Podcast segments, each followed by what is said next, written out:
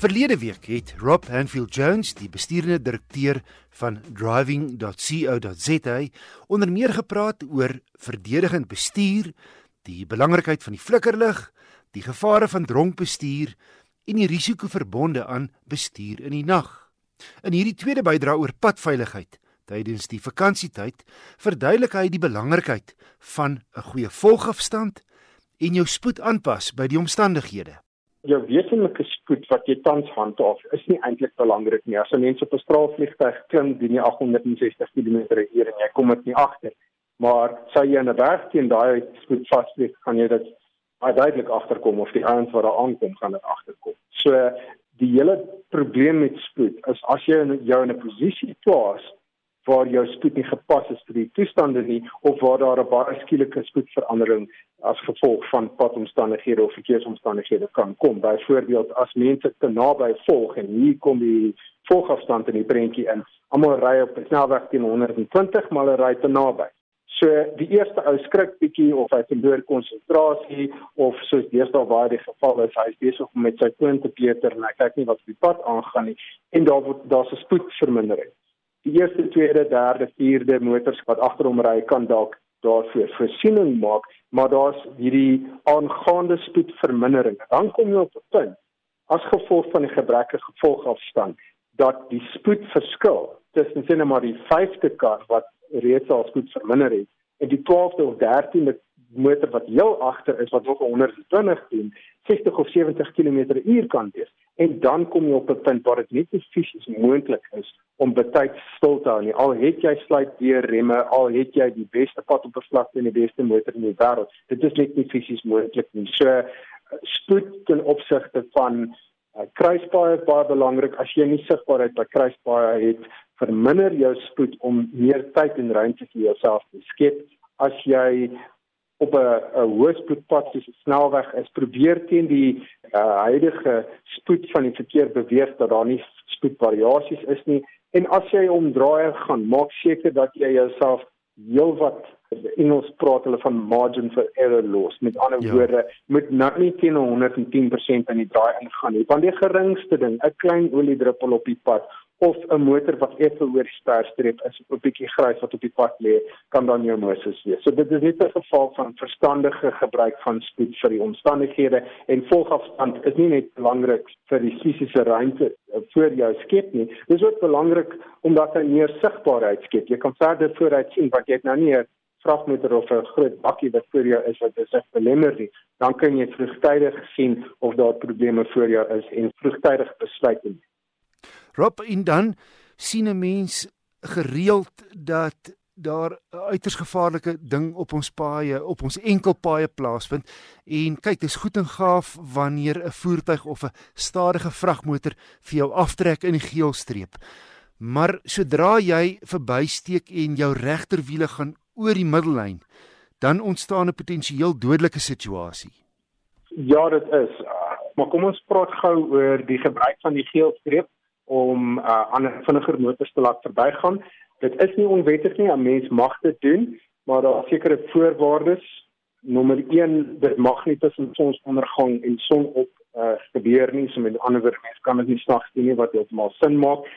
Jy het ten minste 150 meter se sigbaarheid voor jou moet hê uh, as jy gaan oorbeweeg en waarskynlik sal dit ook van toepassing wees op iemand wat verbysteek. So al skuif sit maar 'n vragmotor in die noodbaan in om jou te laat verbygaan. Uh sou dit verstandig wees om seker te maak jy het genoeg sigbaarheid voordat jy hom probeer verbygaan.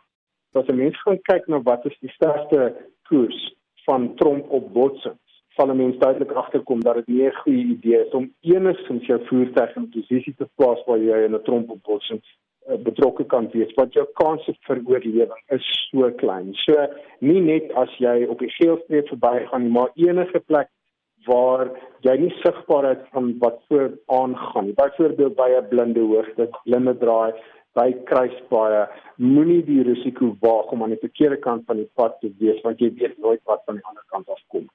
Net 'n ander ding oor die geelstreep, ons sit met hierdie gekompliseerde situasie dat jy dikwels ook voetgangers en fietsryers in die geelstreep area kry. Die ja, maar ook 'n motor wat gaan staan het. Onthou daar is 'n noodbaan. Dit is sy doel. Ja. So as 'n mens sien maar die pad Kaap toe is 'n goeie voorbeeld tussen Johannesburg en Kaapstad. Is daar feitelik al die pad daai geel area en dit is om 'n veilige plek te skep as 'n oue papwiel sou kry of die motor klaar raak sodat 'n mens kan aftrek. Nou dink nou die geval daar is 'n vragmotor wat in die geelstreep in beweeg om jou te laat verbykom en hier's jy nou langs van hom, daar's 'n aankomende vragmotor en die vragmotorbestuurder wat in die geelstreep is, kom skielik agter maar hier's 'n vragmotor wat voor hom stil staan want hy het onklaar geraak hy hy gaan natuurlik probeer uitswaai en dan druk hy jou fisies in die pad van die aankomende motor. So ja. dit is nie net 'n geval van die ou beweeg oor en jy sê dankie en jy's weg nie. Voordat jy besluit om langsaam daai voertuig in te beweeg, hou dop dat jy nie aankomende verkeer het wat dalk vir jou probleem kan wees as daar 'n stilstaande voertuig of 'n fietsryer of voetgangers is wat in die noodbaan die voertuig wat uit jou pad uit beweeg het uh, se vordering kan belemmer.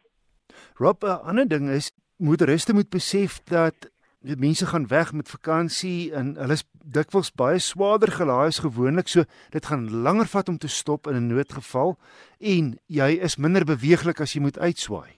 Ja, Colin Chapman wat die Lotus uh renjaars span vir baie jare in die 60s, 70s en 80s gehad het, uh het gepraat van adding more lightness. Hy het gesê as jy nie meer 'n resies voertuig uh, kragtiger kan maak nie, moet jy hom ligter maak want hoe ligter hy is, hoe beter hanteer hy.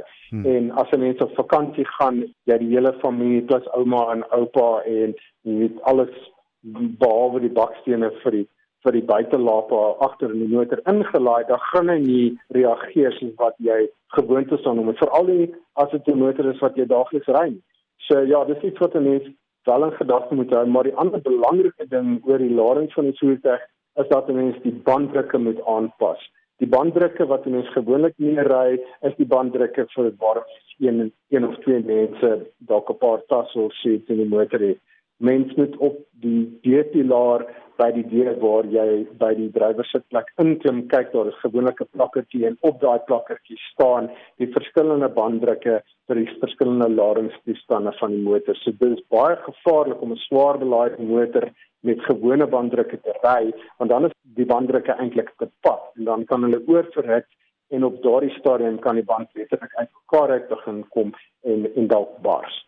Rob Anfield Jones van driving.co.za